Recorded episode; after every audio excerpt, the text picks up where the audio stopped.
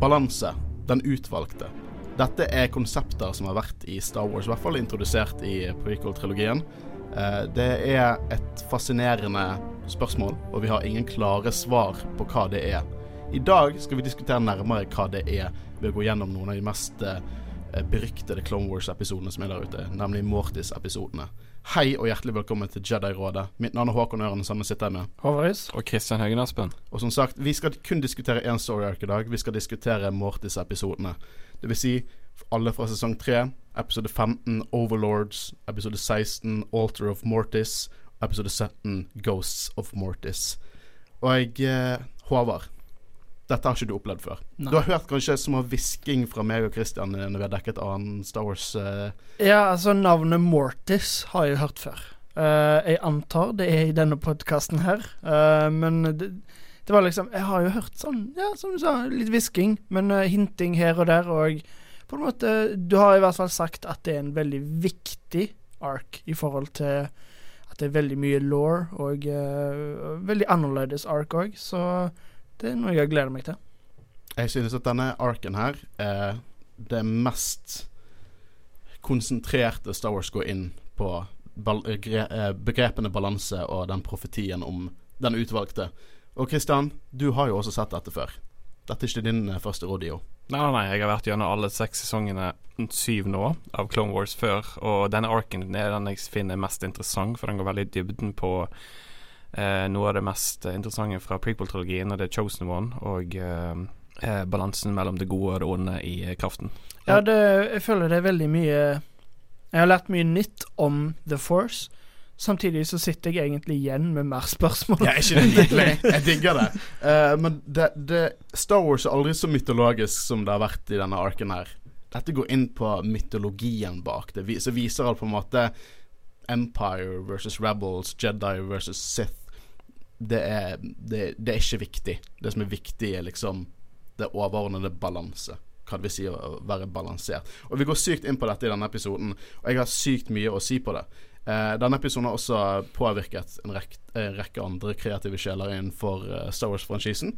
Eh, Duel of the Fate-skriptet til Colin Trevorrow, eh, da var jo Mortis med. Jeg føler ikke det var noe viktig om Mortis som på en måte faller på plass fra det vi fikk vite i disse episodene. da med at Mortis er der, og dere som vet hvor det er fra, synes det er gøy matchet ikke helt med det vi så i disse episodene, etter min mening. Det var en første utkast, så det kunne endre seg. Men dette er episoder som Ryan Johnson er veldig fan av. Han har sett disse episodene har sagt at han spesifikt har fått blitt inspirert av disse episodene. Og jeg mener at vi kan se det. Christian, føler du at det er 2019 nå, og du blir overtalt av meg til å like Last Jedi fordi at vi skal fortsette i dag? Så vi kommer til å spoile episode 15. eh, Overlord, episode 16, Altar of Mortis, og episode 17, Ghost of Mortis fra sesong 3. Vi er rett tilbake etter den lille pausen.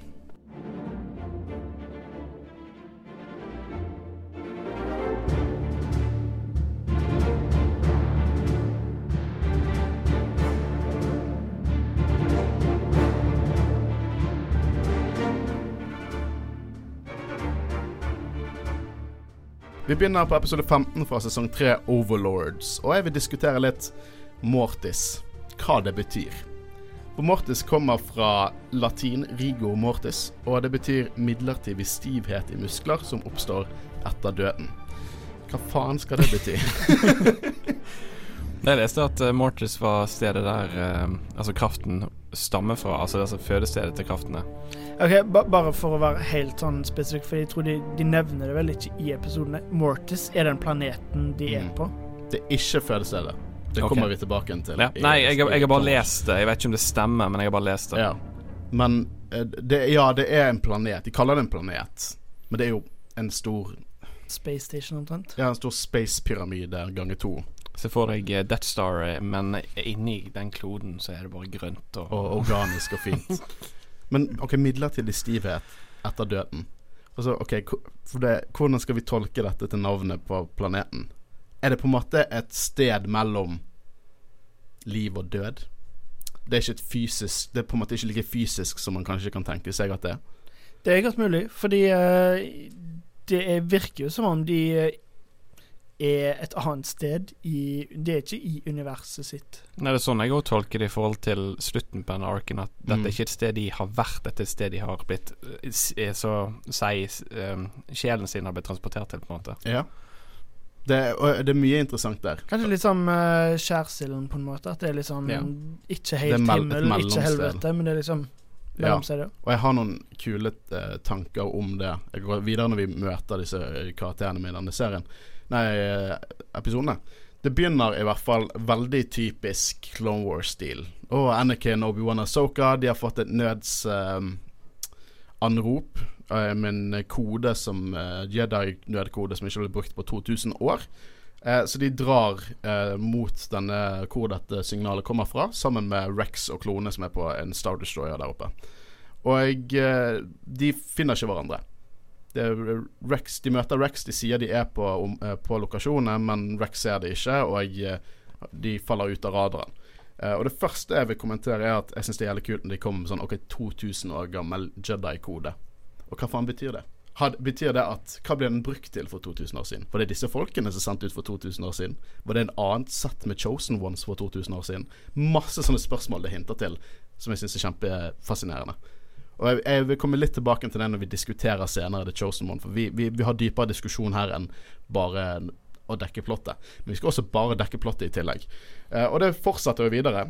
Eh, fordi de svimer av når de flyr mot en stor obelisk, eh, veldig geometrisk struktur i space. Får litt eh, Independence Day-vibes. Sånn.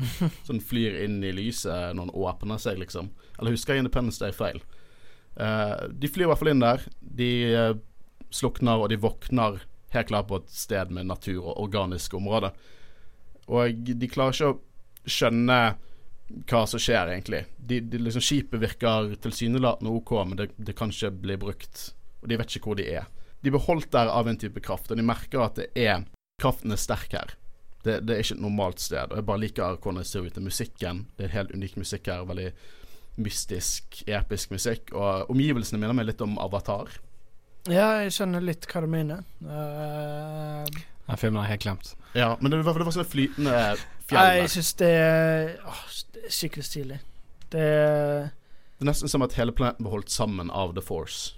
Mm. mm. Um, og vi får møte vår første Første Hva kan vi kalle det? Gudeperson i Mortis. For det er tre av de. Eh, vi møter først eh, hun som kaller seg sjøl Datteren. Og hun sier at hun skal føre de til faren. Og jeg, liker også når Anakin ser hun og sier 'hello'. eh, og hva er planen, Anakin?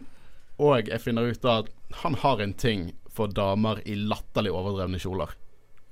Liksom det Det- Annenhver bekledning Padmay tar på seg, er jo liksom så merkelige hjelmer med blomster som stikker ut alle unaturlige steder. Her kommer det en veldig unaturlig looking gudedame, engel med grønt hår og ting, og han Som til og med er selvlysende òg. Ja, og Anakin bare sånn Damn!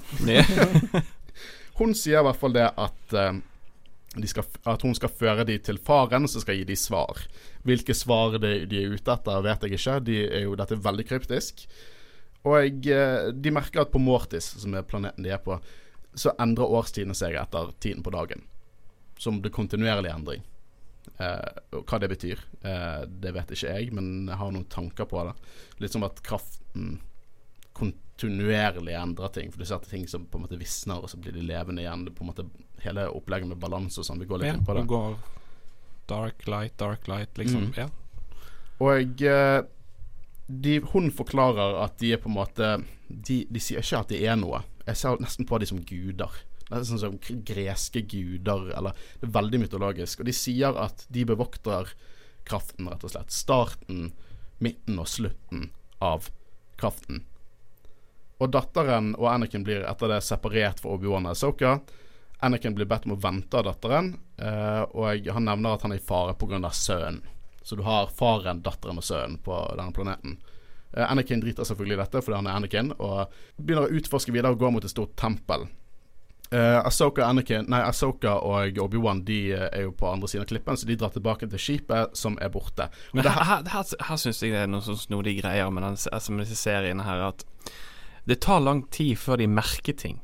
Sånn de må helt bort til midten av pletten rett der skipet sto for å merke at skipet er vekke. Ikke det litt sånn artig å tenke på? Jo, eh, det er jo veldig mye tilfeldigheter og sånn typisk i sånne serier. Eh, så jeg ser den de, de må, det, er, det er en ting som jeg har tenkt over. Ikke Ja. bare Star Wars, det er veldig mye greier. Sånn, de løper helt bort og bare gå rundt der skipet skulle vært. Der skulle det vært. Og jeg Ja, føler det- òg Jeg har merka det veldig mye i Clone Wars, at det er veldig ofte de liksom begynner en setning, og så plutselig så kutter de at de er et helt annet sted, og så fortsetter de setningen der. At liksom Ja. Hadde liksom bare sagt Ja, i dag så skal vi gå. Men og det, så To timer senere. Ja, nei Vi skal gå videre til uh, Blomsterskogen, liksom. men det, det er liksom når hun står rett der, når de kom opp der som skipet skal gå It looks like the ship's gone. Bare, No what? shit, No lady. shit. Men de har en veldig kul uh, scene nå. For De møter nemlig sønnen spiller Sam Whitwer. Sam Whitwer spilte jo uh, Gail Merrick i Starkiller-spillet. Eh, Fortune Leash-spillet. Han spilte Starkiller. Det er ikke. Um, hun uh, som spiller datteren òg, hadde en rolle i uh, Unleashed. Ja, hun mm. spilte eh, Juno. Ja, noe Ja. sånt. Uh, men i hvert fall Sam Whitwer har jo ettertid uh, fått eh, mye større roller innenfor Star Wars og har spilt selveste Darth Maul. Også stemmen til han i, i Sola Star Wars Stories. Det, han, er en, han, er en, han er en del av Star Wars, for å si det mildt. Men han spiller sønnen. Veldig kult design. Nesten litt sånn Dracula, Sith Lord med kragen oppe og hvit i huden og røde streker. Veldig kult design. Jeg leste et intervju fra Dave Filoni at uh, han Han snakket om at han baserte stemmen sin Han skuespilleren, husker ikke hva han het igjen? Sam Whitworth. Hjelpes. Uh, at han baserte veldig stemmen sin på Dart Revan og Dart Bane. Ja. Jeg syns uh, det var flere ganger jeg uh, hørte litt sånn Litt Palpatine der. Han Ja, ja, ja, han har litt- også ja, spilt litt Palpatine. Palpatine. Han har også spilt Palpatine i Star Wars. spilt Ja. Han er, han er kjempeflink til å spille Palpatine. Men det du sier om Darth Revan og Darth Bane Jeg vet ikke helt hvordan Da måtte han ha lest seg fram til det eventuelt. Hvordan, og analysere hvordan stemmene skulle være. Men Darth Bane og Darth Revan skulle begge bli gjort canon i denne arken. Han, han, eh, The Sun skulle oppsøke de eh, og de, at de hadde noen motivasjoner etter døden på dette stedet. Det, det kuttet de. Som jeg kind of skjønner, for det at å bringe inn to Sith Lords, to viktige Sith Lords i Legends, men bringe de inn her litt for på måte På dette gudestedet virker nesten litt merkelig. Hvorfor skal denne guden bry seg hva to gamle Sith Lords mente? Mm. Uh, det som er kult, da er at Darth Bane uh, ble gjort canon senere i Clone Wars. Og Darth Revan, i hvert fall navnet Revan, ble gjort canon i Rise of Skywalker, ettersom at Sith-bataljonene der eh, ble delt inn i navn basert på gamle Sith Lords, og en av de var Revan. Så vi vet at det var en Sith som het Revan, som har eksistert. Det er Mm. det som er canon med Darth Revan i Star Wars-universet per dags dato. Um, I hvert fall, de, han begynner å snakke om Anakin og spør om han er en utvalgte. Så i, sin Chosen One fikk frysninger eh, når det skjer. Og Obi-Wan og, og Ahsoka trekker lightsaberne sine og spør han hva vet du om sånne ting. Og han bruker The Force på en helt annen måte. Liksom Lightsabers er bare materialistisk søppel. Han, bare, han kan bare bruke The Force, og så uh, slukkes de. Og eh, de, de mener jo selvfølgelig at han er Sith, og så begynner han å le, og så sier han ja, men også nei. Som er passende kryptisk. Har blitt en stor flaggermus, man-bat eh, nesten fra Batman-universet, og bare flyr vekk. Så Obi-Wan og Ahsoka finner en hule for å skjule seg fra en veldig eh, farlig storm. Imens har jo Anakin dratt opp i kloster i horisonten. Og jeg liker denne eh, arken, så er det alltid sånn de antar hvor de skal gå, for det er så jævla dramatisk på den planeten. Så var det sånn OK, her er et, det er et stort tårn i horisonten. Selvfølgelig er det der. så jeg synes, ja ja, selvfølgelig er det der. Uh, men Anakin drar mot det klosteret, da, og han finner um, faren. som Sitter og mediterer. Og uh, arkitekturen er veldig Har dere spilt Halo-spillet? Å ja. Ja, Ikke veldig, alle. veldig Halo Forerunner-arkitektur. Veldig Mm. harde kanter. Simpelt, men, eh, men storslått, liksom. Jeg, jeg får litt inspirasjon derifra. Kan se det? Han møter faren, og han er overraskende rolig. Han går inn og sier ikke noe, han bare setter seg ned i mediteringsstatus, litt sånn stilling, foran faren. Eh, og faren er jo like kryptisk. Liksom, du får jo ikke noe svar fra disse folkene. De sier vi er dette, og vi er dette, og vi er alltid i midten, og vi er alltid utenom. Og ja, liksom, eh, han sier bare det at han vil undersøke skjebnen til Anakin og finne ut hvem han er. Er han the chosen one? Eh, så Anakin blir der som gjesten hans. da Og nå får vi på en måte fullt av visjoner. Muligens, muligens ikke. I hulen så ser Obi-Wan en visjon av Quagon med stemmen til Liam Neeson. Ja, det var stemmen til Ja, det Liam Neeson har Neeson. kommet tilbake og spilt Quagon. Men Altså Han har jo til og med gått ut og sagt at hvis det skal komme eh, At han har veldig lyst til å Ja, men han har tatt de minste rollene i, i, i Star Wars-universet, har han tatt etter, i ettertid. Men jeg kunne gjerne likt å se han tilbake igjen. ja, men seriøst, Quaigon Jeg har sagt det mange ganger, Quaigon er en av de viktigste karakterene for alle hendelsene i hele Star Wars-sagaen. Liksom, det, det, det, I mitt hode, når Ray i slutten av Rise of Skywalker hørte alle stemmene til Jediene, så var Quaigon den viktigste hun hørte. For Quaigon er en Jedi. Mm. Han, han, han er en definisjon Han er en skikkelig Jedi. Og jeg vil diskutere hva en Jedi er i, den, i løpet av denne episoden. Men Quaigon er det Jedier bør være. Og han har sett alt dette i gang. Han er den viktigste karakteren i Star Wars-sagaen, etter min mening. Så er det faktisk Force Ghost der, eller er det bare en visjon Det er jo som. Obi-Wan Force Ghost er jo ikke en ting på dette tidspunktet. I hvert fall ikke Obi-Wan sine øyne. Så han, Det er derfor han blir nervøs når han ser Quaigon. Han ser bare rett og slett et spøkelse. Men deal er jo det at er dette Quaigon? Eller er det en av gudene?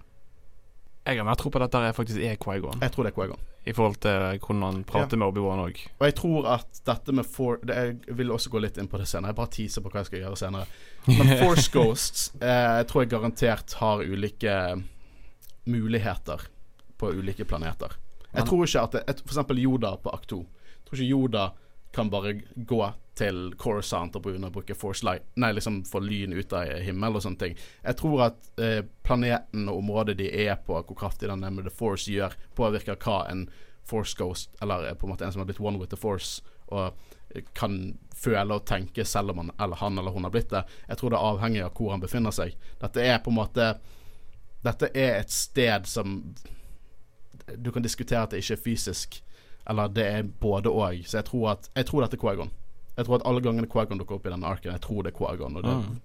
veldig på det du, hinter til med at han lærer seg å på en måte bli komme tilbake igjen fra de døde. Så dette er første gang vi faktisk ser Quagon etter at han døde i Mm. Minutes? Ja. Og det kommer, det kommer flere ark som er veldig Mortis-esk senere, i hvert fall i sesong seks, så vi skal der det går veldig inn på mytologien og hvordan Quaigon har klart dette. Men han spør Anakin om, eh, om Nei, Obi-Wan om han har trent Anakin, som han ba han om. Og Obi-Wan eh, forteller liksom det at han har trent han så godt han kan, men Anakin finner ikke balanse. Og eh, Quaigon sier jo etter det at eh, hvis Anakin er the chosen one, så vil han finne det ut på Mortis. Hvis han ikke er det derimot, så vil Mortis være veldig farlig for han. Fordi at The sånn kan få tak i ham og rett og slett gjøre han korrupter, korruptere han. Eh, Qui-Gon snakker litt om stedet, da, og han sier det er en krets for The Force i universet. At planeten er en forsterker og en magnet for The Force.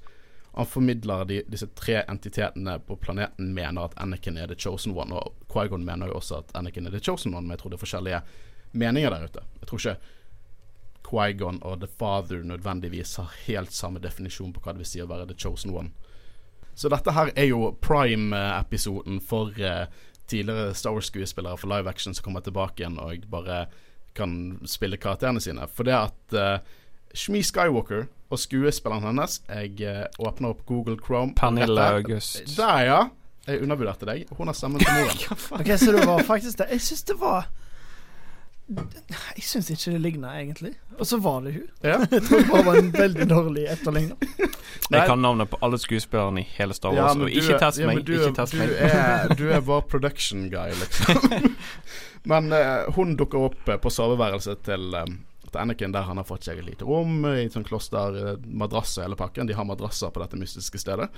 Og uh, hun snakker med han, da. Og han er jo først eh, veldig kritisk, som enhver person ville vært, men til slutt begynner han på en måte å snakke om, om, eh, om at han er plaget over døden hennes, og at uh, er del i det. Han, han sviktet som en Jedi når han hevnet seg, og han sviktet som en sønn han ikke klarte å, å redde henne. Hun begynner jo å snakke om, om ting at hans samvittighet ikke definerer han, og at eh, og, og han definerer samvittigheten sin. Det er liksom OK, men ja Hæ? Ok- Anniken sier at den eneste kjærligheten han har i hjertet sitt, er hjemsøkt av hva som kan skje hvis han slipper taket på den kjærligheten. Og det er interessant. Tror du han er livredd for hvis han ikke har Padmay, rett og slett, så bare faller han rett over til the dark side? At han er livredd for the dark side? Det kan jo gi mening, og eh, sånn som vi ser i filmene, så er det jo på en måte når han Selv om han ikke visste at Padme var død, så vil jeg nesten si at han mista Padme før hun døde, Mm. og det var da han ble Liksom Ja, det er da han gikk over. Eller i hvert fall frykten å miste hun gjorde jo at han uh, gikk over, så jeg eh, tror nok det, det ligger noe i det. Mm. Han har overraskende mye selvinnsikt, og han sier jo at han ikke tror på det, uh, The Chosen One-profetien. han tror ikke sjøl at han er The Chosen One, at det er bare en myte. Som jeg syns også er ganske interessant. For Vi har jo diskutert litt før. Vet Anakin at han er The Chosen One? Tydeligvis har han blitt fortalt det, men sånn i, OK. Eh, nå begynner jo eh, denne moren å snakke om at eh, om at eh, det han definerer som et kjærlighet, et fengsel, og at, eh, og at det ikke er kjærlighet. Og fremtiden hans eh, ligger ikke hos Padmay, sier han. Han har jo rett, Kaina. Men eh, det er selvfølgelig The Son, som, eller sønnen, som later som han er moren, og, og fucker med han, for hun blir til stor eh, flaggermus og flyr vekk. Og Asoka har også en visjon av sin potensielle fremtid, eh, seg som voksen. Og hun sier 'seeds of the dark side planted by your master'. At hun har et sinne i seg, en mørkhet, og det er pga. Anakin. Det har hun, og det har jo vi to Christian snakket om. Mm. At han, hun er en tro kopi til hva Anakin er. Og hun er ganske ignorant i det, for hun sier det at du tar feil, Anakin er ikke som noen annen Jedi. Han er impulsiv og eh, lidenskapelig og impulsiv. Og det er jo et stort rødt flagg, og grunnen til at det går fint ifølge Asoka, er fordi at hun rett og slett er glad i han og stoler på han. Og eh, fremtidige Asoka senser jo at det er motsetninger her, og avslutter med at hun, hun kan ikke forbli Anakin sin padawan hvis hun skal ha en fremtid at all. Fremtidige potensielle Asoka mener hun skal forlate planeten og bare legge alt dette dødt. Anakin har fått nok av eh, det kryptiske skyttet rundt omkring, som jeg forstår. Det må ha vært jævlig frustrerende. Ingen gir klare svar. Bare sånn hopper rundt, og de er alt og ingenting, bla, bla, bla. Så han går mot faren og trekker lyssverdet sitt. Og eh, anklager han for å være en Sith Lord. Og da tar faren og understreker noe som vi har diskutert litt, grann, hvor enkelt syn det er på hvordan ting fungerer. Dark versus light, ondt eh, mot godt. Det er liksom et veldig simpelt, binært syn. Og disse gudene skjønner jo det. Han sier at han er verken Sith, han er ikke Jedi, han er noe mye mer. Og han mener Anakin er akkurat det samme som han er.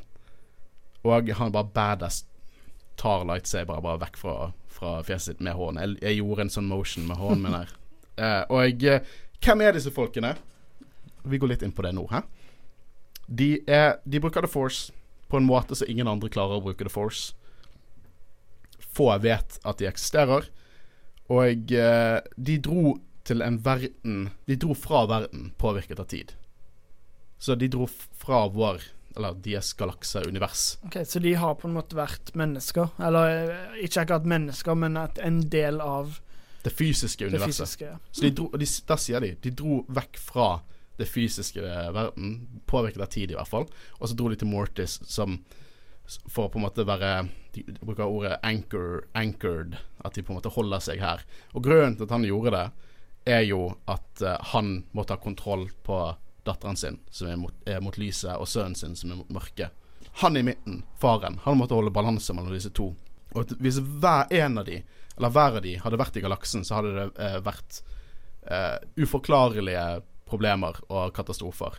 Powerful darkness, powerful light. Det, hvis det ikke er balanse, så går alt til helvete. Og det er like med hvis hun er ute og gjør ting, og like ille hvis han er ute og gjør ting. Eller det kan, det kan diskuteres hvor like ille det kan være. Det er i hvert fall ille. Og eh, påvirket av tid. Dette, denne planeten, De sier senere at denne planeten er The Force. Obi-Wan sier i denne episoden at planeten bare er kraften. Så jeg begynner å tenke litt på, på sånne teite plotthold. Sånn og, og, Luke var bare fem dager på Dagobah, og plutselig ble han Jedi, liksom. Eller eh, Ray var bare en halv uke eller noe sånt på akt to med Luke før hun dro videre. Jeg mener at disse Force-planetene, at tiden ikke fungerer eh, på samme måte som det gjør i en vanlig fysisk verden. Ikke det at det ikke Dagobah og akt 2 ikke er fysiske. Jeg bare tror at tiden fungerer på et helt annen måte der. Og det kan også forklare flere ting. La oss trekke inn Exegol, For at hvis kraften er sterk på Dagobah, og der fungerer tiden annerledes, så vil en jo tro at i en darkside-planet som Exegol, at tiden kan fungere annerledes der. Kanskje det kan forklare hvordan Palpatine klarte å lage den svære armeen sin der i uh, Rise of Skywalker. I like it. Ja, jeg vet jo ikke om dette er noe de har tenkt over, uh, men de skal begynne å bevege seg inn på dette med Exegol og Wayfinders uh, i Darth Vader-tegneserien som er satt mellom episode fem og seks nå snart. Og jeg Det er min headcanon. Jeg har fortsatt mine problemer med Rise of Skywalker, men en del av problematikken til eh, Eller altså, jeg har til sånn Star Wars-sagafilmene Hvis jeg får canon som forklarer det, eller det, gjør, gjør at det får mening, så kan jeg i ettertid begynne å like filmen mer. Jeg er helt OK med det. Jeg synes at det er helt innafor å kritisere en sagafilm for å, at den eh, ikke står alene. At du må kunne alt dette i tillegg. Men jeg elsker å på en måte dype meg inn i universet og finne små forklaringer som kanskje ikke Som på en måte gjør at hovedfilmene eh, gir meg mer som fan. da Så jeg, jeg liker å teorisere litt rundt dette her. Mm, jeg lurer på om eh, Eller jeg håper faktisk at vi får litt sånn konkrete svar. Men eh, samtidig er det, syns jeg det er veldig kjekt å ha en del av Star Wars-universet der vi ikke vet ting. Som Mm. bare er Og det er, det, spekulasjon og eh, Fri fantasi. Ja. Mm. det er det jeg synes at disse episodene gjør veldig bra. Og jeg synes det gjorde Disney utmerket bra med er ille med Starkiller Base. At de hintet, de hintet til at det var Starkiller Base i fem-fire år, helt til det bekreftet det i Rise of Skywalker. Det er kjempegøy. Eh, Jeg digger det. Og jeg eh, Enkelte elementer med Rise of Skywalker er problemet med. Enkelte elementer jeg ikke har problemer med, fordi at jeg liker at det er litt mystisk. Jeg liker at vi kan sitte og diskutere sånne ting som dette her. Det trenger ikke å være canon nødvendigvis. Det liksom Mesteparten av meg tror at nei, JJ Abrams tenkte i hvert fall ikke over dette her, og det kan jeg nesten garantere. JJ Abrams tenkte ikke dritt over dette her. Men Star Wars går hånd i hånd med retcons, så det kan godt hende at vi får noe som forklarer hvordan alt dette fungerer. Eh, faren tok vel barna med til denne planeten for at eh, han var bekymret for kreftene skulle fucke til universet, rett og slett, så her kunne han kontrollere de. Og her Han begynner å snakke om powerful light, powerful darkness. Eh, en familie i balanse. Han sier mye Last Jedi-shit, for å si det sånn. Nesten paraphraser eh, eh, Snoke her. Han sier at det er folk som vil utnytte makten til barna. Og det er her han understreker at for mye mørke eller for mye lys vil ødelegge universet slik vi ser på det. Så faren vil undersøke om Anakin er the chosen one. Han, eh, Anakin mener selvfølgelig at han ikke er det sjøl, men de vil utføre en enkel test.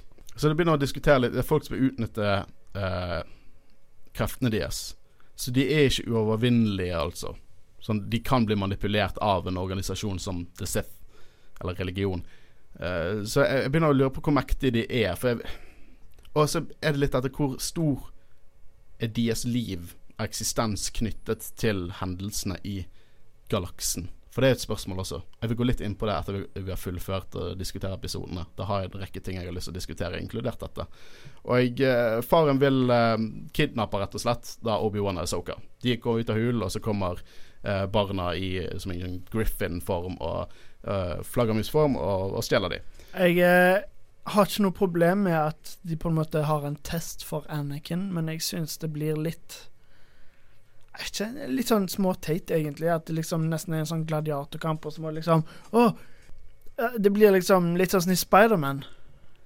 Ja, Uh, you must liksom- choose. Må kan kun velge én, og bare Ja, greit nok, men Jeg, jeg, jeg, jeg syns det er litt dritt. Altså, ja. Testen var vel en grunn når man greide å, eh, greide å ta med begge. Det var vel ikke at han måtte velge. Sånn Jeg tror ikke det handler om så mye om det. Det liksom Jeg tror at for en person som ikke kunne kontrollere begge sider av kraften, så hadde ikke Da måtte man på en måte velge. Man måtte kastet alle eggene sine i én korg. Går du dark side? Skal du kontrollere the dark side, eller skal du kontrollere the light side?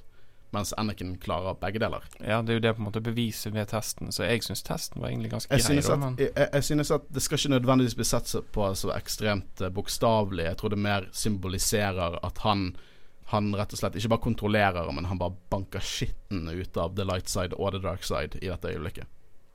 OK, ja, ja, ok, jeg skjønner litt nå at det, det er balanse. Men det er lov til å være uenig. Jeg, jeg digger uenigheter. Liksom Last Jedi-krangler mellom meg og Christian er noe av det beste vi har laget, syns jeg. Eh, men de kommer til den arenaen, da, formet i et stort yin-yang-symbol. eh, helt klart eh, symboliserer balanse. Eh, og jeg, eh, datteren har kledd seg ut som en stor griff og tar, eh, tar Sa du GIF? Griff, Griffin. Ja, Griffin. Griff. Det er faktisk uh, Jiffin.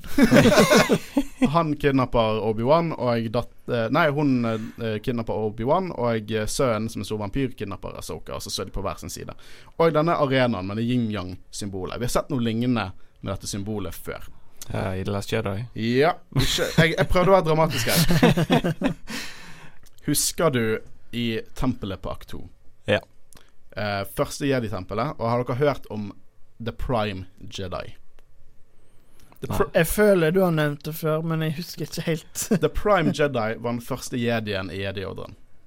Og dette symbolet som representerer The Prime Jedi, er han omringet av mørke og lyse, som et yin-yang-symbol. Veldig likt dette symbolet som vi ser i Mortis-episodene. Og dette begynner å få, eh, få meg til å tenke hva er, def hva er en definisjon? Den ekte definisjonen av en Jedi. Det vil jeg komme inn på litt senere. Det var masse teasing. Jeg lover. Å, du må slutte å tease. Kanskje bare se det nå. Nei, på slutten. Dette skal bli bra. Jeg lover dere. Um, Bare tenker alle som lytter på denne episoden, må tenke 'fuck you, Håkon'. Så, eh, så faren sier at Anakin må møte samvittigheten sin og finne ut om han er the chosen one. Han må velge å redde Obi-Wan fra datteren eller Soka fra sønnen. Vil han kontrollere light side eller dark side? Og han velger ikke. Han banker skitten ut av begge, det, begge to. Og på en måte himmel begynner å spinne fra dag til natt. Mye som symboliserer balanse her. Mm. Så ifølge faren så er denne testen beviset at han er the chosen one. Anakin, altså. Og han mener at han skal ha, ta hans fysiske rolle, for faren er døende. Han skal ta hans fysiske rolle på Mortis og kontrollere datteren og sønnen for å igjen holde balanse i universet. Ikke bare galaksen, men universet. Det er profetien fra, i hans øyne. Og han sier at Anakin forlater planeten og valget og vil valget ta å hjemsøke han og galaksen. Så Anakin drar med Imperial March i bakgrunnen. Uh, hvor mye dette påvirker eh, galaksen, er uvisst, etter mine meninger. For det er the light og the dark side kan være sterkere generelt. Sånn i, i, eh, er, I senere Clone Wars så sier Darth Maul oh, the dark side is powerful. Bare sånn På dette tidspunktet er den mørke siden sterkere enn den lyse siden. Og det, det, det på en måte en Det, det er en sånn Husker disse der eh, generelt i hele galaksen. Så hvor mye det som skjer her, påvirker eh, det fysiske universet, det er jo et spørsmål denne arken setter opp. Um, og liksom er det, er det handlinger her som påvirker det som skjer senere i originaltrilogien og psykotrilogien, rett og slett? Det er det som er på en måte spørsmålet jeg ligger igjen med her, da. Og jeg, eh, dette her er helt klart den mest sånn definer... Dette, dette, er en, dette er den beste episoden av denne arken, syns jeg. Mm. Det er mye kult som skjer de andre. Sånn Historie er kult, men dette her setter opp så mange spørsmål og så mye ting å diskutere, og, og nesten redefinere hva vi tenker på som The Force. Hva satt dere igjen med bare på denne? Eh, jeg er helt enig. Det var, var på en måte denne her jeg hadde mest spørsmål til. Men uh, det er liksom spørsmål jeg tror ikke vi får svar på. Jeg tror ikke du har svar på det engang. Nei, det Uh, drøfter jeg. så det Ja, jeg syns det var Det var noe helt annet enn jeg har sett fra noe annet i Star Wars-universet. Fordi Star Wars har jo alltid vært ganske så heavy med fantasy. Men her gikk de liksom enda mer inn på fantasy. Det er og mytologi, og det er Ja, jeg syns det var skikkelig kult. Det var noe, helt annet. Jeg hadde ikke sett for meg at det skulle bli så mye merkelige ting, på en måte. Men, men eh, plagde det deg at det gikk så mye vekk fra Star Wars, eller? Nei, fordi tingen er at selv om du kan ikke si at det gikk vekk fra Star Wars, fordi det er jo på en måte Det er jo fortsatt Star Wars. Og eh, jeg har ikke noe problem med at de gikk den veien. De kunne ha droppa det for min del, men jeg er veldig glad for at de gjorde det òg. Christian? Uh, mye av disse episodene her uh, har jeg lest at uh, er bare dratt ut av George Lucas sitt hode. Mm. Der Dave Filoni har pitchet uh, disse episodene med han. Eh, og jeg, eh, altså, jeg liker det faktum at eh, de tar opp eh, litt i dybden på kraften og balanse og alt det der greiene der. Og eh, det ble jo ikke tatt opp igjen i serien i det hele tatt.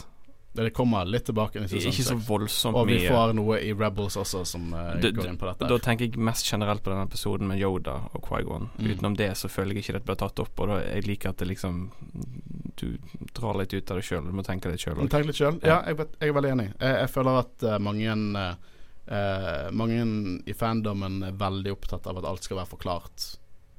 Og at alt skal på en måte være Du skal ha på en måte 'Dette skjedde da, den personen gjorde ditt og, og datt akkurat da'. Det, 'Dette er forklaringen på dette'. 'Dette er force powersene man kan bruke'. 'Dette er de man ikke kan bruke'.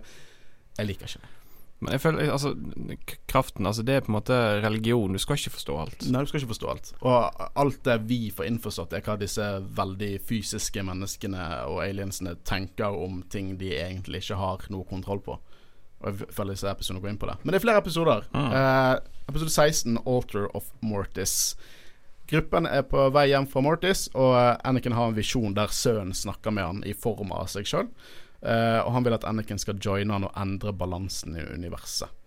Og uh, sønnen anerkjenner hvor teit tankegangen til Jedien er. Lys og mørke, som om det finnes én uten den andre. Um, sønnen vil knuse The Sith og The Jedi. Og Asoka blir selvfølgelig fysisk tatt av denne vampyrmannen, eh, og Anakin og Obi-Wan følger etter eh, imens de krasjlander. Så det her Obi-Wan ser dette store eh, tårnet med en sånn grønn kule og bare sånn Ja ja, det er klart der han har gått. Obviously. Det matcher jo hele estetikken hans. Jeg minner litt om Mordor, egentlig. Ja, jeg, jeg, det, jeg fikk veldig Mordor-vibes av det. Stor tårn med spikes og så et rund Åh, God, nå fikk meg tenke på Vet du hva, det ligner jo ekstremt eh, Åh, jeg kan ikke ta dette for slutten, egentlig, men når den glasskulen bare detter ned det, men Jo, det er jo øyet, det. Ja! Jo knust. Det er Harry Potter-ting og Ringenes herre-ting. ja, ja, det, det, det. Eh, så Obi-Wan mener at de må snakke med faren før de går mot sønnen og Asoka, mens Anakin uh, er sint og bedrar med en gang. Han skylder på seg sjøl for at dette skjedde, og han forstår Eller han mener da at faren ikke kan kontrollere sønnen etter det faren fortalte han i forrige episode. Så Anakin ignorerer selvfølgelig Obi-Wan sin råd og, eh, og eh, går mot sønnen og Asoka. Og her får vi en scene jeg har lyst å kalle Asoka og husnissen. De speederne som de bruker for Snowboard Anakin, er basert på materiale fra Return of the Jedi. Ja, kult. Du kan ting, du. Innimellom. Det visste ikke jeg. Uh, så det har du på en måte The Sun som er kledd ut som en Dobby. Creepy Dobby og leker med henne. Begynner å snakke om at sånn Ja, du har lenkene av med det som foregår inni hodet ditt, det det som de ekte lenkene. Steike, det er mye sånn Harry Potter og Lord of the Rings. Skal si Guro til dette? Merker hun? Hun eh, var Guro er jo kjæresten min, og hun er, hun er med i Potter-generasjonen. Hør gjerne på de hvis dere liker Harry Potter. Eh, hun var skikkelig lei seg for at hun ikke fikk lov til å være med og snakke. Nei, det, det skjønner jeg nå. Hun har veldig mye å si om denne episoden. Um, men Dobby biter henne og korrupterer henne til å gå hardcore dark side. Jeg mener hardcore gule øyne, blodårer som stikker ut dark side. Mm. Uh, og faren kommer og snakker med sønnen, da. Eh, snakker om at han valgte det dark side. Så er det i naturen hans, eller ser de på det som et valg? Var alle balanserte på et tidspunkt? Jeg vet ikke. Jeg drøfter. Var det faktisk et sitat der han spurte at han valgte? Ja, du, liksom, you have chosen the dark side, og du lar det eh, ta Ah, ja, sånn, over ja, deg, ja. liksom. Sant? Eh, og så er jo det på en måte dette spørsmålet Kan du bruke the dark side uten at det, går, det tar deg over, uten at du går Darth Vader og Palpatine? Er det mulig? Kunne han, som en sønn, altså som en dark side-bruker, valgt å bruke det ansvarlig? Jeg vet ikke. det er det denne episoden gjør. Vi har ingen faste svar på noe. Nei, men Eh, Hvis du kan bruke kraften uten å være Jedi, så kan du vel bruke kraften uten å være Sith òg. Ja, det er jo noe av det jeg også har lyst til å gå inn på senere. Senere. Men han går full uh, Palpatine, lilla lyn, og prøver å drepe faren. Uh, og datteren, som er lightside, løper bort til faren, han, uh, faren og er veldig ignorant i forhold til broren sin. For det, der kommer Var ikke lynet rødt? Jeg, jeg tolket det som lilla. Jeg tolket det som rødt. Jeg så rødt, jeg. Ja, ja, men, eh, rødt. men jeg er fargeblind, så For, for det, var, det, var, det var noe jeg tenkte å spørre deg om, skjønner du. For at det var rødt, og da tenkte jeg, Ja, jeg, jeg, tol- det, så, jeg så på det som lilla. Ok, men se for deg at det er rødt. Er det noe som skiller seg fra person til person som bruker det, eller er Det, det, er jo helt klart eh, de fleste vi har sett i Star Wars-universet. Har brukt lilla. Force Lightning. Nei, men de har brukt mer blå. Men det, dette var rødt. Jeg kan bare Ja. google det, liksom. Ja, det kan godt hende det var rødt, men, men fargene som Palpatine bruker lilla. Ja, Snoke har brukt lilla, tror jeg. ja. Og Jeg- eh, jeg Dooku brukte lilla. Gjorde han det? Ja. Nei. Jo. Nei, han brukte blått, det husker jeg. I Attack of the Clones brukte han blått. Garantert. Jeg me- Det kan, lover ok, deg. Okay, med det, eh, Jeg skal redigere inn Nei, der unnskylder på kunnskapene mine hvis ikke han brukte blått. Nei, men Det kan være du har rett, for jeg er sikkert ikke så stor forskjell på lilla og blått. jeg tror at deal her er at eh, basert på hvor mer farger det er eh, i det Force Lightningen, så er det mer hvor intenst du bruker det, hvor mer hat du har, liksom. Ja. Så Søren har nok ekstremt mye hat i seg, og Mm. ekstremt kraft, eh, Ja, spesielt hvis han på en måte er omtrent definisjonen Ja, på så- dark side, så, Så da har egentlig Da var Palpatine litt godhjerta likevel. Han hadde jo ikke blått, han hadde full eh, lilla. Jeg mener fortsatt at Søren brukte det. eh, Palpatine, han er, han er ikke godt god. Nei. ikke litt engang. Eh, I hvert fall faren har prøvd å drepe Nei, eh, Sønnen har prøvd å drepe faren, og Obi-Wan har jo sett dette her, og så kommer datteren bort og bare Å, hva skjedde? bare, Nei, sønnen din prøver å fucke alt til. Nei, han må ha grunner til å gjøre det. Og så du ikke at han nettopp prøvde å drepe faren din? Nei, han kunne ikke gjort det der. Hun er veldig naiv Ja, og ignorant. og ignorant. Minner ja. det deg om en annen minner meg veldig med- om en gruppe mennesker. Ja, Jeg tror de heter noe som begynner på J. ja Jedi. Jedi, der er det. Det er gar det, hun er så sykt bare definisjonen av ignorante Jedis. Liksom Bare se på Jeg Attack of the Clones, når, eh, når, de, når de begynner å klandre Count Dooku, og så er det bare sånn Nei, han er politisk idealist. Han kunne ikke gjort det. Han er ikke noe ordner. Count Dooku han han er så evil som de finner, liksom. De er overrasket av alt dette her. Og så er de så jævlig ubøyelige på reglene sine. At liksom, å, det gir ikke mening. Seth kan ikke være tilbake igjen. Vi eksisterer jo. Og vi skaper balanse fordi at vi er light. Liksom, hun bare er en perfekt parallell til hva The Jedi i prequel-æraen er. Mm. Som vi igjen kommer til å gå tilbake igjen på senere. um, så hun sier jo til slutt at det er i naturen hans. Eh, datteren er uselvisk, og, og sønnen er egoistisk, og det er på en måte det, sånn de er. Eh, men datteren sier at faren forbyr henne å hjelpe Obi-Wan. Forbyr henne om å gjøre det som må bli gjort. Eh, som litt dette med Jedien og sine ubøyelige regler. Eh, datteren eh, kaster en håndkle til slutt da og fører Obi-Wan til et alter. Eh, og da får han liksom The Dagger of Mortis. Eh, et sverd. De sier det er en dagger, men det er et sverd. Den er dritstor. Det er et sverd. Uh, som kan på en måte kontrollere eller drepe sønnen. Uh, husker at i traileren til Rise of Skywalker så holdt de jo Ray den der Sith-daggeren der. Og alle bare sånn Å, det, det er Mortis-kniven! Å, garantert Mortis-kniven! Selv om det ikke så ut som det, da. Men ting endrer seg fra live action til animasjon og vice versa. Eh, og nå får vi en liten duell mellom Anakin og Darkside Asoka. Ja, se der! Rød. Nei, det er den lilla. Jeg ble veldig Se, lyset er jo garantert Kan lilla. jeg, kan jeg få se en gang til? Det er lilla. Det er jo lilla lys litt- rundt den. Ok, Nå ble jeg litt i tvil, men jeg merket jeg Det er lilla lys rundt den. OK, jeg skal gjøre én ting bedre. Jeg skal starte episoden. Ja, det er episoden. Nei, nei. Oh my god, det er lilla. Darkside Asoka er creepy. Veldig, og så er hun fullt av sånne ekle blodårer og Ja, hun oppfører seg nesten som en sånn liten skolejente. Bare en ond skolejente. Det var jævlig creepy. Uh, og hun eh, sier jo det at uh, hvis Anakin joiner sønnen uh, um, Hvis ikke Anakin joiner sønnen, så vil han drepe Asoka. Og at han skal tvinge Anakin til å drepe Asoka. Um, så det blir en duell mellom de, da. Obi-Wan og datteren snakker med broren, og de, begynner, de spør han hva han har gjort, og så sier han han har gjort det som er riktig. Eller det som er feil, spørs fra deres synspunkt. Jeg føler veldig mange som holder på med certain point of view. Eh, og eh, hva er godt i deres synspunkt. Og eh, ja, i mitt synspunkt så har Empire gjort mye godt for galaksen. Det er litt sånne spørsmål som dukker opp når vi snakker om Star Wars. Og han formidler at han skal forlate planeten, og at Anakin er litt opptatt nå. Eh, datteren vil hjelpe de nå, noe som sønnen ikke tillater, så det blir kamp eh, over hele dealet. Anakin versus Asoka og sønnen mot eh, datteren. Eh, ganske elegant force-duell mellom de. Nesten litt sånn kung fu. Litt sånn Avatar The Last Airbender, hvor de bare kaster dark og light eh, side for, uh, force mot hverandre. Jeg likte også veldig godt hvordan de på en måte gikk inn og ut av de der uh, skapningene de var. Mm. Uh, det var en veldig kul duell. Ja, jeg syns det. Mm. Og eh, liksom estetikken og alt, musikken og hvordan alt ser ut her. Og her merker vi veldig godt at uh, animasjonene er blitt mye Ja. bedre. Jeg, jeg tenkte på det, jeg òg. Det er natt og dag siden uh, første sesong. Um, så faren dukker opp og stopper alle kampene, som gjør at sønnen angriper faren. Uh, Asoka uh, fikk tak i Mortis sverde og gir det til sønnen. Det er altså Asoka er fortsatt darkside Asoka. Og han sønnen tilsynelatende bare dreper Asoka. Så sønnen vil drepe faren, men så kaster søsteren seg, eller datteren, seg eh, foran og blir stukket av kniven. Eh, og det er jo ikke dette sønnen ville, så han får helt panikk og eh, stikker derifra. Sam Witwer har et godt hyl. Han er flink til å virke i smerte. Problemet er at det hylet er overalt. Liksom Jeg hører Darth Maulene i disse episodene. Og nå begynner jo faren å snakke om balansen er brutt pga. datteren sin død. Galaksen vil kjenne the dark side nå pga. sønnen. Så Anakin trygler om, om hjelp. Eh, hjelp Asoka. Faren blir til slutt overtalt av datteren sin rett og slett som er døende, om å la datteren sin siste handling være å bringe livet tilbake til Asoka.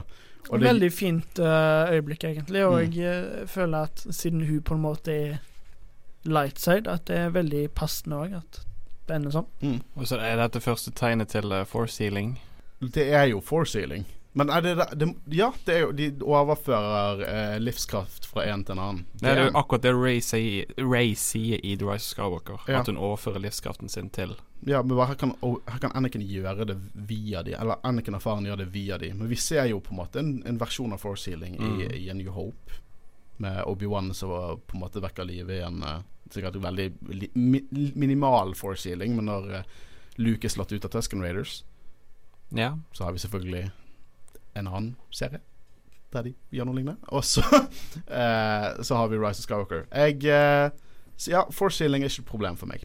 Tatt. gir mening, og det har vært, på, vært eksistert i universet til ulike nivåer, Mm. som vi ser her. Godt poeng. Jeg hadde ikke tenkt over det, men godt poeng. Um, jeg liker at Håvard ser bort på deg og bare sånn Ja, good job! Dette, det at uh, datteren redder Soka, vil ha konsekvenser. Hva det betyr, vet jeg ikke helt ennå. Men husk dette, over. OK, jeg skal huske det. Ja, husk det, for det vil komme tilbake igjen i, i Clone Wars og i Rebels. Det er noe, noe som tyder på et eller annet som jeg ikke helt forstår, og som vi ikke helt har fått svar på. Men det at datteren har hjulpet Asoka nå, vil ha konsekvenser for resten av universet når det gjelder Asoka. Uh, så faren mener at sønnen sine handlinger på Mortis vil gjøre at The Sith får mer makt. Og da begynner jeg å tro at rett og slett det som skjer her, har indirekte eller direkte konsekvenser for hva som skjer. Rett og slett at balansen på denne planeten vil gjøre at balansen i universet rett og slett blir ujevn basert på handlingene som skjer her. Men Mm. tror dere i forhold til at uh, Asoka Jeg må få kreds for at jeg greier å uttale navnet riktig, forresten. Ja, ikke Ashoka. så Ashoka. dere. Ashoka. Neida. Jeg Eh, forventer jo at du skal klare å uttale det riktig. men Si eh, Coruscant. Cor Ikke noe igjen. Coruscant. Uh, men uh, tror dere det at eh, når Anakin ser at Asoka uh, dør sånn eh, en liten stund der, at det har en påvirkning i forhold til òg når han blir dark side Wader, på en måte. Redd for å miste Han er redd Han blir Ja, for han får det inntrykket at han mister kanskje Soka nå, og det påvirker enda mer det er redden for å miste Padmay. Ja, det ville ikke jeg eh, sagt noe annet imot, ass. Liksom, han, det, liksom, han er jo dritglad i Asoka. De tre Mm. viktigste personene i hans liv er jo mor, var moren, er Asoka og Padmay. Det føler jeg ganske trygt kan mene. Jeg jeg vil faktisk dratt inn Obi-Wan òg der. Ja, Obi-Wan er der, men han har et litt sånn ambivalent forhold til Obi-Wan. Det Han, ja, han har jo på en måte eh, Hva er det norske ordet? Raised, altså Hjelp meg. Ja, Obi-Wan har på en måte vært den strenge forelderen. Ja, han har vært på en måte en farsfigur, men det har også Palpatine vært, sant. Ja. Obi-Wan har gjort sine feil, spesielt i Attack of the Clones-æraen. Så har han på en måte gått helt feil rundt det. Så jeg tror at han har Jeg tror at hans forhold til Obi-Wan er mye mer um, ubalansert enn det er med hans forhold til Asoka og Padmay. Så ja, det du sier at dette kan være med å påvirke hans reaksjon og hans frykt for å miste mer, tror jeg absolutt er innafor. Jeg er absolutt der inne. Jeg er helt enig i den. Det var denne episoden. Uh, jeg synes at de opprettholder det. De legger inn nye elementer. Men uh, la oss Det var mer viktig å konkludere første ark, for den introduserer så mye ting. Men la oss bare hoppe rett inn i siste episode her. Så Siste episode i denne trilogien Det er episode 17 av sesong 3, 'Ghosts of Mortis'. Og Det første vi får her, er vi, vi, vi skjønner jo nå at Anakin aldri har tatt denne profetien noe seriøst før nå. Uh, det, det merker at det tyngder på skuldrene hans ganske mye nå. Han er jo usikker på hva han skal gjøre. Um, så imens prøver Asoka å fikse skipet deres. Og det er en liten ting jeg, la merke til her. Bare sånn, For det, det går jo gradvis når vi ser på karakterutviklingen til Asoka. Men hun har på en måte vokst opp Mm. med hvor seriøs hun er, og jeg, fortsatt litt sånn jovial, men ikke, hun er ikke snips og skaggy. Liksom. Det, det er natt og dag fra første, eh, sesong av Clone Wars. Mm, ja, definitivt. Hun, på, hun blir en Hun en Jeg syns hun er en så troverdig og, og realistisk og kul eh, karakter. Uh, Jeg har allerede nevnt, uh, jeg tror det var i forrige episode, at jeg gradvis begynner å like Soka mye mer mm. enn jeg gjorde i begynnelsen, og det fortsetter nå. Jeg, jeg, jeg føler hun faktisk gir noe til, til serien. Det er liksom ikke bare en Hun er med på Har en god karakterutvikling sjøl, men hun er òg med på å utvikle karakterene til for det meste Anakin, men òg Obi-Wan, egentlig. For det er Hun er en stor del av serien, og jeg tror ikke altså, Clone Wars hadde ikke vært det samme uten han, på en måte. Men hun Jeg vet ikke med dere, men er en av mine favorittkarakterer ja, fra universet. garantert oppe på topp ti. Ja. Garantert. Det er ikke mange lightside-folk der oppe, og Asoka er en av dem. Så eh, Anakin er jo veldig eh, berørt av dette her. Han liker ikke å dra dit bare utenfor mer svar, så han reiser for å snakke om, eh, med faren om å holde sønnen på Mortis. Og kan jeg bare nevne det med disse brillene som har på seg, og så er det mekaniker. Det ser så kult ut. Ja, det ser skikkelig kult ut. Jeg, la merket, merke, jeg synes det var dritkult. Det var et kult look, liksom. Dødsbra. Jeg liker at eh, når Asoka blir eldre, så får hun mer og mer klær på seg. Eh, men eh, faren står liksom i, i, i tomb, hva det er på norsk? I gravhuset liksom til datteren. Eh, og jeg begraver Mortis-kniven med henne. Jeg får veldig Dumbledore og The Elder One-feels her. Igjen en shout-out til Potter-generasjonen. Jeg tenkte til og med før Det ser ut som Humlesnurr sin, eh, sin grav. Og sånn, å ja, Hun begraver liksom det ultimate våpenet med, med datteren, eller Humlesnurr. Mm, jeg ser den lett. Ja. Så kommer jo sønnen senere og bare tar den fra henne. Det, det, liksom, det, Ikke så veldig bra gjemmested sånn, egentlig. Nei, Nei, men eh, jeg, det er jo ikke det i eh, Harry Potter heller. Så, å, her er graven på en, ute på en øy i filmene. Jeg har ikke lest bøkene.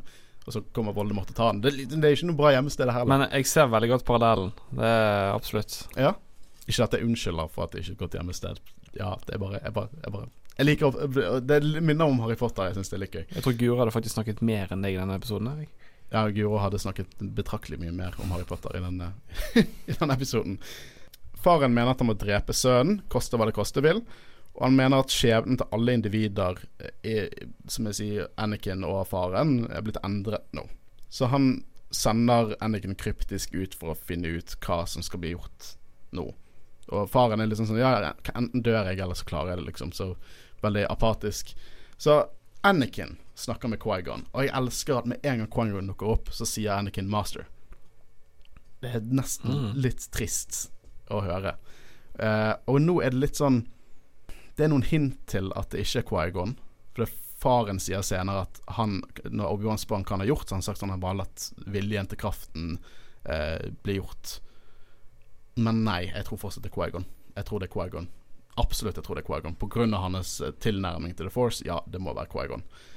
Og uh, Quaigon mener at Anakin vil bekjempe sine demoner og bringe balanse til universet. Han sier til Anakin at han skal verken forlate stedet eller, eh, eh, eller forbli å drepe sønnen. At det finnes en annen måte. Han ber at han om å dra til et sted som er sterk i the dark side of the force. Så det, det, de kaller det well of the dark side på den planeten. Obi-Wan snakker nå med, med faren, og han, han spør hva han har gjort av dette her. Og han formidler at Anakin har dratt til the well of the dark side. Og eh, de, de snakker om at Obi-Wan kan ikke blande seg inn. Det er ikke det som skal skje. Så Anakin møter sønnen i Darkside-brønnen, og han vil drepe sønnen. Litt Mustafar-feelings rundt denne lavaopplegget her. Skulle akkurat si det. Det er absolutt. Mm. Og Obi-Wan drar jo etter uansett. Eh, og til tross for at Obi-Wan drar dit før dette skjer, så viser Anakin Nei, sønnen viser Anakin sin fremtid. Han viser hva han skal bli. Han viser han eh, Darth Vader. Han viser han Alderon sprenge. Uh, Padme sin død. Selvfølgelig et hint av Imperial March. Så Anakin får vite hva som skjer. Og hva fant du interessant, Christian? At det ser sin egen fremtid, det er, både, det er litt skummelt òg. Ja. så, så du liksom Når han ser den fremtiden, så vil jo han på en måte prøve å unngå han, for det er ikke der han vil, Mm. der han er nå. Så det er interessant at han, han, vil, han vil nå være med den mørke siden for å prøve å stoppe eh, fremtiden hans som er å gå til den mørke siden. Ja, Når du sier dette, så er ikke, ikke, det, ikke det veldig Er det riktig tolkning? Det er riktig tolkning, og jeg skal sitere Master Oogway, skilpadden fra Kung for Panda. en møter ofte ens skjebne på veien man tar for å unngå den. Men altså, det er jo liksom sånn Altså Hvis du vet din egen fremtid òg, eller vet din egen skjebne, så vil du på en måte prøve å endre den hvis det er noe du ikke liker, Mm. heller. Ironisk nok går Anakin til the dark side. Han joiner Ja. Men eh, det, da kan du òg si, fordi senere i episoden så gjør jo faren at, han, at Anakin glemmer det ut. Mm. Så det kan jo hende at hvis Anakin faktisk hadde huska det, at han ikke hadde gått til dark side, fordi da Men han hadde jo fortsatt vært til dark side. Han, han sier jo senere at, at Jediene er et problem. Ja ja, Men, men, det kan det eh, òg være at han eh, Han duden, Sønnen. sønnen Veldig enkelt å huske. Det er ikke navnet engang. Han heter Sønn. Jeg, tar tar det på nytt igjen.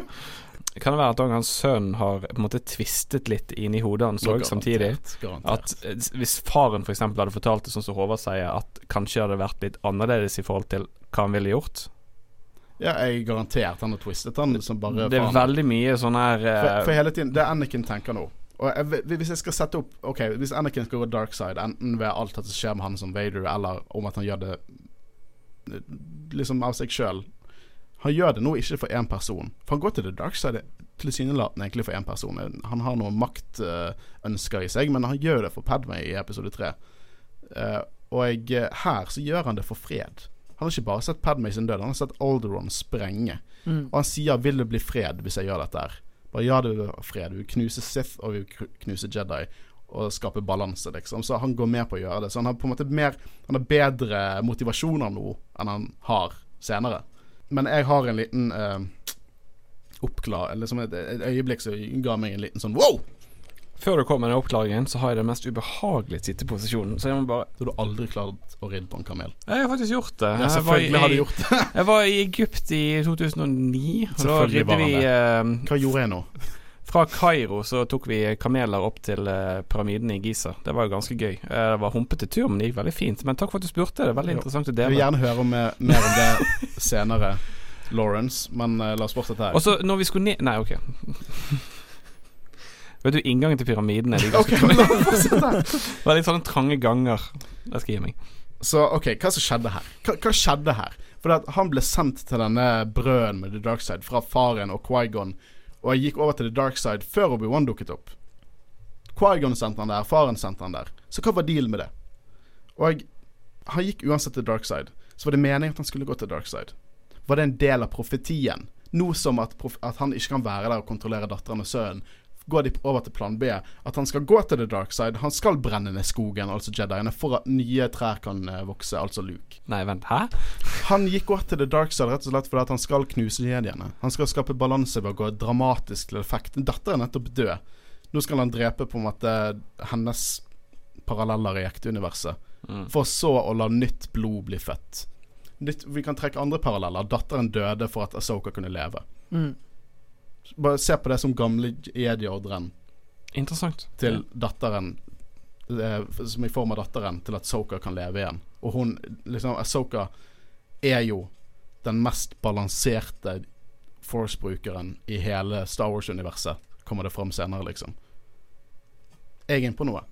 Ja. Det er godt mulig. Jeg, uh, Jeg tenkte ikke på det tidligere, men uh, mulig. Men uh, tror du òg at faren ville at Anakin skulle bli the dark, eh, gå til the dark side? Nei, men det er det Og- han gjør senere, for han, han, han endrer jo dette senere. Men da kan det hende at det ikke er Quaigon, Fordi da var det jo Quaigon som også pekte han mot den uh, stedet, så da kan det hende at Ja, for det deal at sønnen, eh, faren sendte han ikke til brøden. Det var Quaigon som gjorde det, men faren visste at han var der, og sa det til Obi-Wan. Det er derfor jeg begynner å lure på om, om faktisk det var faren som utga seg for å være Quaigon. Kan hende. Jeg vet ikke. Får aldri vite det. Nei, jeg får aldri vite det. Men jeg tror også at Quaigon og Obi-Wan har to forskjellige Men, jeg- syn på hva The Chosen One vil si. Mm. men jeg fikk den mer feeling at det var Quaigon som var der, da. Ja, Personlig. jeg mener fortsatt at det er Quaigon som er der personlig. Bare pga. hans tilnærming til The Force. Ja. Og jeg liker tanken med at ja, profetien går ikke, går ikke ut på at han skal drepe The Sith. Går ut på at han skal, han skal skape et clean slate. At nye generasjoner kan vokse fremover og skape mer balanse. Og jeg har mer om, å si om det senere. Så Obi-Wan prøver å snakke sens i Anakin, men blir etterlatt der nede av Anakin og sønnen. Det er jo mye, mye mer hyggeligere dark side Anakin versus light side Obi-Wan enn det vi får i episode tre. Der sånn nei, Du er uenig, ikke prøv å stoppe meg, bare bli her, så går jeg videre og, og gjør bad shit. Eh, så han Obi-Wan formidler situasjonen til Asoka, og de må stoppe Anakin og sønnen fra å forlate Mortis. Og Tidligere i episoden, når Asoka drev og fikset opp skipet, så sa Obi-Wan noe til henne, noe sånn technobabble, og ikke ta de tingene inni der. Som vi, har viser nå at gjør at de stopper skipet fra å kunne kontakte noen og fly vekk. Så Obi-Wan hadde vel kanskje en følelse av at dette her ikke kom til å gå bra. Kanskje til og med en følelse om at hvis Anakin går dark side, så må vi gjøre noe for å stoppe han og sønnen for å komme vekk herifra. Mm. Som bare viser at Obi-Wan er awesome og tenker. Jeg liker også det at når Asoka møter Obi-Wan i den mens han klatrer opp, så sier hun 'nice job'. Som er litt sånn, jeg føler litt paralleller til når eh, Obi-Wan sier til Anakin 'good job' i Attack of the Clones når ikke de klarer å redde han skikkelig. Så han får litt sånn smell på sin egen kjeft. Så faren eh, snakker med Anakin mens sønnen drar for å hjelpe deres sak, da. Og faren sier at ingenting er satt i stein, at fremtiden er fortsatt uklar. Og for at det skal bli balanse, kan ikke Anakin se dette her. Fordi han vil unngå For han vil da aktivt unngå å bli Vader, og han må bli Vader for at balanse skal komme, mener jeg. Jeg Mm. mener at faren ser på det sånn. Du må bli Vader for at dette skal skje. OK, nå, nå er jeg overbevist med det du sier, at, uh, at faren ville det på en måte. At Mm. skulle bli Man skulle ikke få sett det på denne måten. sant? Nei. Mm. Han må gå dark side. Han må drepe jediene for at dette skal gå gjennom. Men han kan ikke gjøre det på denne måten, for han vil gjøre, da, da er fremtiden endret. Uansett hvordan det endrer seg, så er det endret til en, u, en usett ting. Og nå er det det jeg mener. Jeg mener at de, dette her er veien det skal gå. Det, det, han skulle alltid bli Vader. I hvert fall i øynene til gudene på Mortis. Ikke nødvendigvis i øynene til Quaigon. Qui-Gon. Eh, det er jo derfor duellen i Phantom Menace heter Duel of the Fates. Mm. Fordi at utkommet av den duellen mellom Darth Maul og Qui-Gon vil rett og slett sette skjebnen til An Anakin i stein. Hvis Qui-Gon dør, så er det tapt for Anakin. Og det var jo det som skjedde. Så faren fjerner minnet til Anakin, eh, og sønnen tar og Voldemort stjeler kniven fra graven til sin, eh, sin søster, altså datteren. Og imens har faren tatt Anakin med opp til tempelet sitt, og jeg Asoka og Obi-Wan dukker opp. Eh, så de må drepe sønnen, da, som dukker selvfølgelig dramatisk opp. Eh, og da prøver de å overtale sønnen til å bli med eh, Bli på Mortis. Det vil han ikke gjøre, så faren tar kniven og dreper seg sjøl for å stoppe sønnen. Eh, og han sier at deres deres eh, krefter er knyttet sammen. Så uten at faren lever, så vil ikke kreftene til eh, sønnen være det samme. Og jeg vet ikke om dette er løgn, eh, fordi at for at de skal prøve å lure sønnen til å bli drept, eller ikke. Men jeg på, hvis jeg bare klarer å tenke litt sterkere, så tror jeg at jeg klarer å finne noen paralleller der også. Um, nei, jeg klarte ikke. Så eh, sønnen blir dritlei seg. Det virker sånn, nå, nå merker han liksom hvor glad han er i faren, eller så er dritnervøs, for nå kan ikke han dra. Eh, så de klemmer, og så tar Anakin og dreper sønnen med en lightsaber. Og faren sier at når han dør, at han nå kan Nå har Anniken er the chosen one. Han brakte balanse til Mortis, så nå kan han gjøre det for universet. Mm. Og han hinter til at livet til Anakin ikke blir som forventet. Han blir ikke lykkelig. Men ok, så han, brik- han tok ba, eh, balanse til Mortis. Men jeg fikk nesten inntrykk av at han rett og slett bare drepte The Force på Mortis. Du ser alle disse Når vi snakket om det Ringens herre-tårnet, Sauron sitt tårn, alt faller sammen. Alt det som tilsynelatende ble holdt oppe av The Force, bare faller sammen. Så Ja, man kommer tilbake til balanse, men det ser ut som han bare dreper The Force, rett og slett. Ja, fordi jeg føler egentlig uh, Nå har vi snakka ganske lenge, så jeg husker ikke om vi nevnte det tidligere, men at egentlig de gudene At de er personifisering av kraften. At de egentlig ikke er fysiske eller noe sånt. Ja. De, de er kraften, så det gir jo mening det at når de dør, så I hvert fall på Mortis, da, at, eh, at da er det ikke kraft der lenger. Mm. Ja, jeg, det, det er gode tanker, det. Jeg er helt enig, egentlig. Så gjengen våkner opp, eh, og i, da har det gått et sekund for dem. Så Rex bare sånn 'Er dere der?' 'Dere har vært vekke bare et sekund.' Og bare sånn 'Det var en reise.' Og så avsluttes eh, episoden. Um, damn. Dette, dette er en ark. Mm. Litt av en ark, ja. Nå, nå Altså- etter vi har diskutert det litt, hva sitter dere igjen med? Jeg har Bare mer spørsmål. Jeg er mer forvirra, og jeg syns du gjorde en veldig, veldig veldig dårlig jobb, Håkon. For jeg, jeg, jeg, jeg aner ikke. Nei, men eh, det, det er sant. Jeg sitter igjen med mer spørsmål, men eh, det er jo egentlig fordi vi vet jo ingenting. Det er litt gøy òg. Dette er en av mine favoritt-arcs i eh, Clone Wars-serien. Eh, og uh, jeg liker at uh, han går litt i dybden på George Lucas sitt religiøse verk, Ja. å si det. Ja, fordi hvis George Lucas Hvis det stemmer det at alt dette her er tatt fra hodet til George Lucas Fordi vi har jo snakket om det før, han er veldig god til å skape verdener og alt mulig sånn. Det er bare Kan bare ikke skrive det. Nei, nei. gjør det med. Men flink Så jeg, jeg leste i intervju at han hadde pitchet uh, mye av dette her fra George Lucas sitt eget hode, og det viser jo hvor ønskelig jeg hadde hatt hvis han hadde kommet litt tilbake i Lucas-film. Ja, men han er jo litt tilbake. Han er det. Jeg hører Ja, men- at han har vært involvert i uh, Mandalorian. Mandalorian, Ja, og det er å, Mandalorian er jo basically uh, fra det, det er som sjelen til George Lucas. Bare med teknologi og storytelling og alt det der. Det er jo på en måte Det hedrer Josh Lucas til de grader. Akkurat som Last Ja, altså, jeg mener det at pitch hodet hans, bare ikke gi han et tastatur eller en penn. ja. Burde vært sånn som uh, Richard Nixon i uh, Futurama, med hodet i et glass. Nei da, uh, absolutt eh, veldig eh, flott ark. Med Jeg syns det, jeg også. Uh, dette, det går inn liksom originale skriptet til Star Wars, The Journal of the Wills, med guder som på en måte forteller en historie. mm. Det går tilbake til det som mytologisk. Det, Star Wars har aldri vært så mytologisk som det er her og nå i denne arken her, og jeg digger det. Ja, vi sitter igjen med masse spørsmål, men vi på en måte har fått litt mer innblikk i The Force, føler jeg. Mm. Og jeg, eh, jeg syns det er interessant. Jeg elsker dette med profetien. Det er som en Game of Thrones-bokprofeti, altså. Det er profetier, folk tolker det forskjellig. Sier til og med 'Revenge of the Sith'. Yoda sier at dette kan være en profeti som er feiltolket. Her ser vi flere ulike syn på det. Og jeg, eh, jeg har lyst til å gå litt inn på dette med The Chosen One nå. Hva er deres syn på The Chosen One? Er Anakin The Chosen One? Er det han som bringer balanse, eller hvordan ser dere på dette? Jeg føler at uh, Anakin definitivt er the chosen one, fordi han, det er jo han som bringer balanse i eh, i universet. Det, er fordi tidligere så var det veldig, veldig veldig mange Jedis, og så kun to Sith. Det var et, flere Darkside-brukere, da, men det var to Sith. Men uh, i episode tre så dreper han jo alle, og uh, på en måte Det blir mer balanse. I hvert fall ifølge den, den religiøse delen av det, da. Mm. Det ender jo opp med at uh, Palpatine får makten, og han er jo en veldig mektig Sith, så sånn sett så bringer han ikke balanse i universet på den måten, men han bringer balanse med Sith versus Jedi. Mm.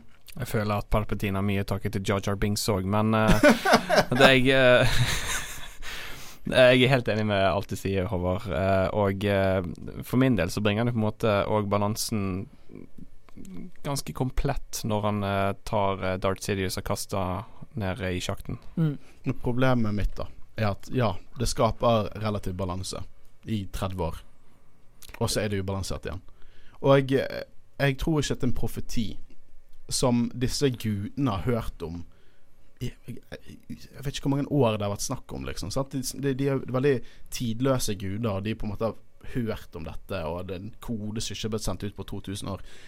Jeg mener at Anakin er en viktigste del av dette her, som vil si profetien om The Chosen One. For det er Anakin er The Chosen One. Hva er Jediene tenker? Hva er The Chosen One? Personen skal drepe The Sith og bringe balanse. Men det er ikke balanse når Jediene har makten. For Mm. de, har ikke, de har ikke det som skal til for å bringe eh, balanse. For mye lyst, og så er det ikke balanse. Men jeg regner med at du sikkert vil, veldig mye inn på dette her med fra The Last Jedi, med at Luke sier det at eh, denne kraften tilhører ikke Jediene, mm. eller noe sånt. Jeg regner med at du er veldig på den, og at det på en måte Jedi og Sith eh, ikke kan bringe balanse mot hverandre, men at de ikke burde være hatt De eier ikke kraften, på en måte. Mm. Og det er veldig enig. Eh, og det som jeg mener er, hva, hva er en Jedi? Ikke hva en prequel Jedi. En prequel Jedi er ubalansert. Det er svart på hvitt. De ignorante, de ubalanserte, de mener at det er balanse hvis kun de eksisterer, og det er ikke det som er dealen. Nei. Jeg tror at dette her med The Prime Jedi, omringet av lys og mørke i Last Jedi, omhandler hva originalt en Jedi var. Mm. Originalt handler ikke så mye om din tilnærming til de ulike delene av The Force. Det handler om å på en måte kunne holde det i sjakk. Du trenger ikke på en måte gå fullt ubrekk, uknuselig uh, light side eller uknuselig dark side. Hvis du ser på Ray i, eh, i sequel-trilogien Hun har romantiske følelser som hun helt klart følger. Hun bruker intens dark side-teknikker som Force Lightning. Og hun går fortsatt videre eh, og på en måte blir en Jedi.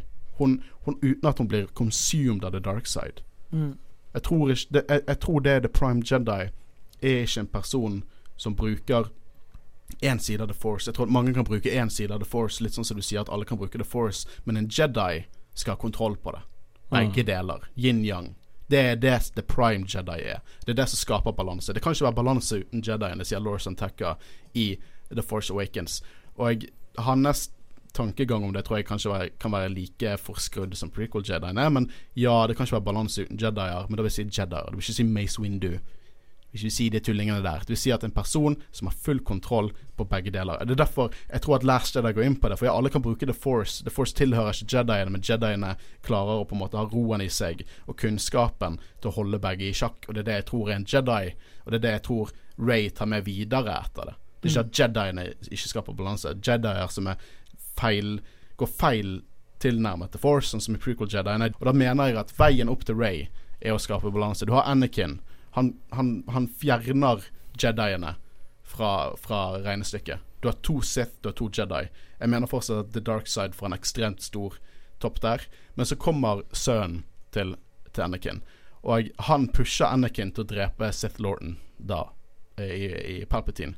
Og så har du 30 år med tilsynelatende fred, helt til Ben Solo går over til The Dark Side, og, Anakin og Luke faller ut av det.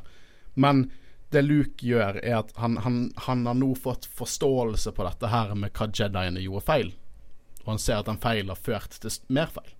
Han trener opp Ray, og med kunnskapen om hvordan man skal tilnærme seg The Force, skal han ha syn på det, som også er et mer balansert syn nå etter det. Han er veldig misguided.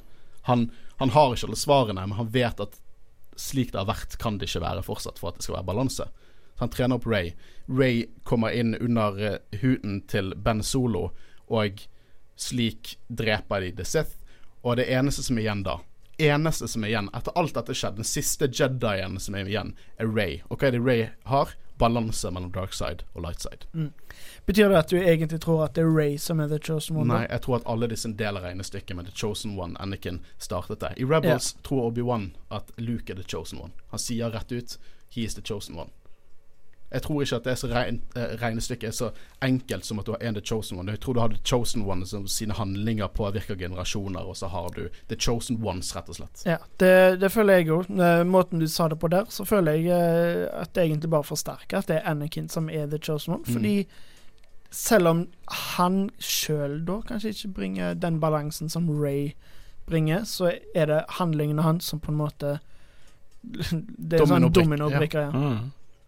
Og jeg mener at jeg mener at Ryan Johnson har tatt dette her om balanse, og, og, hvor misguided jediene var i prequel-trilogien. Har tatt canon og konsekvenser av handlinger som har skjedd over hele universet, og litt av definisjonen på hva balanse er fra denne episoden, og tatt det med i The Last Jedi.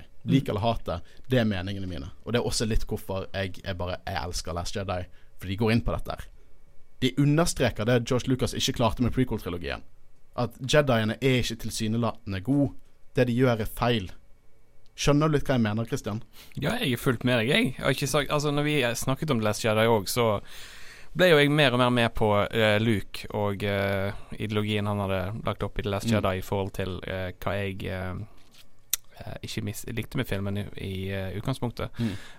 men det, det, betyr ikke at jeg i helheten elsker The Last Nei, Jedi. Det er, det, er, det, er, det er flere uh, ting med The Last Jedi jeg ikke liker, mm. men uh, jeg støtter erklæringen din med Luke, og jeg, jeg, i forhold til det du sier nå. Ja.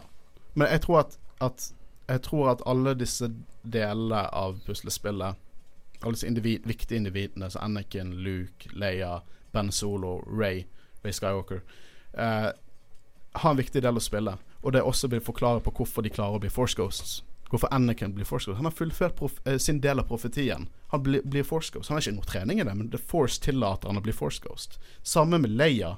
Luke tror jeg nok har trent litt på det der, men Leia blir Force Ghost. Ben Solo blir Force Ghost. For det er Skywalkerne er en del liksom Bare Skywalker i seg sjøl er The Chosen One. Stakkars Shmi, da.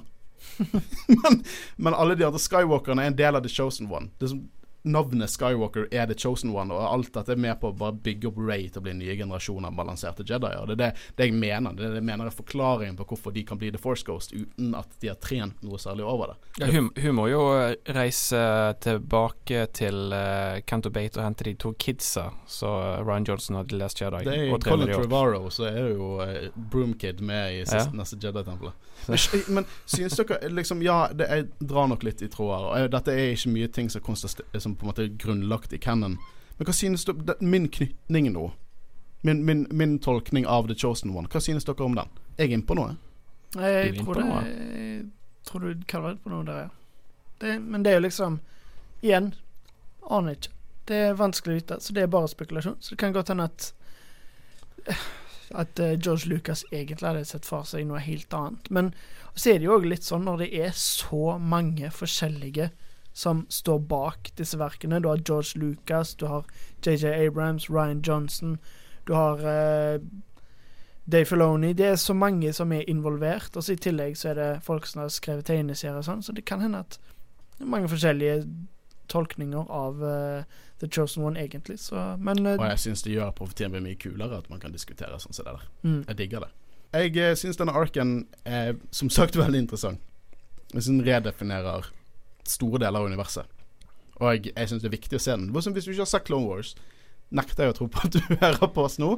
Eller kan godt denne. Men se den. Så selv om du ikke har sett alle de andre episodene, bare se, se denne story-arken, og du vil ha større innblikk i den profetien og hva The Force er. Ja, for jeg føler du trenger ikke se Clone Wars sesong 1, 2 og hele 3 for å henge med her. her denne arken fungerer denne Dette kunne vært en film. Det kunne vært en Mm. film. Enkelt. tenk så mye åh, bare, bare tenk om prequel-trilogien hadde vært Dette. Ja. Det hadde vært så mye bedre. ja, fy faen. Det hadde vært dødsbra. Men det det, vi skal være glad for at vi har Clone Wars, Mm.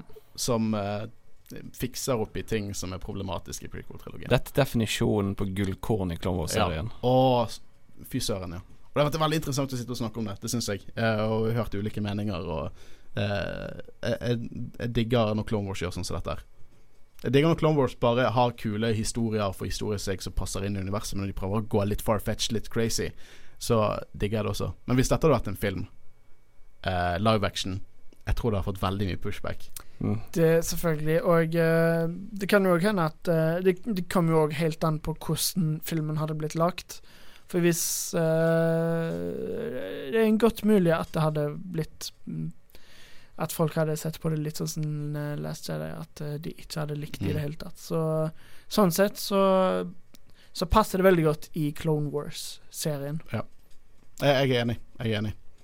Men det var Mortis-arken. Eh, vi skal fortsette med Clone Wars. Eh, vi valgte å ta denne arken for alene, fordi vi rett og slett det er så mye å si og diskutere på. Det, vi, har, vi har dekket tre episoder nå på den tiden vi bruker på å dekke dobbelt så mange. Så det, det sier sitt. Så jeg hadde ikke lyst til å bare kaste meg inn i uh, The Citadel Arc, som er veldig action-episoder nå etter vi har hatt dette her.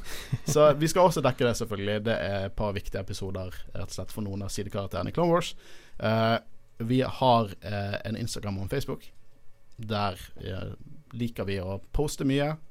Promotere episodene våre. Legger ut eh, Clone Wars-listen vår, som også er tinyearl.com slash jedirad med to a-er. Eh, og så er det litt sånn behind the scenes, så du kan sende meldinger til oss og på en måte spørre oss om ting. Og veldig lyst at folk skal sende mer eh, spørsmål, kanskje. Noe vi ikke dekker? Er det noe spørsmål du har eh, som vi på en måte ikke har fått eh, svart på i ep- episodene våre? Send det inn. Det er alltid gøy. Eh, setter pris på hver eneste melding vi får der inne. Mitt navn er Håkon Øren, og jeg har sittet sammen med Horus. Og Kristian Høyen Og Aspen. vi har vært Jedi-rådet. Ha det bra. Ha det bra.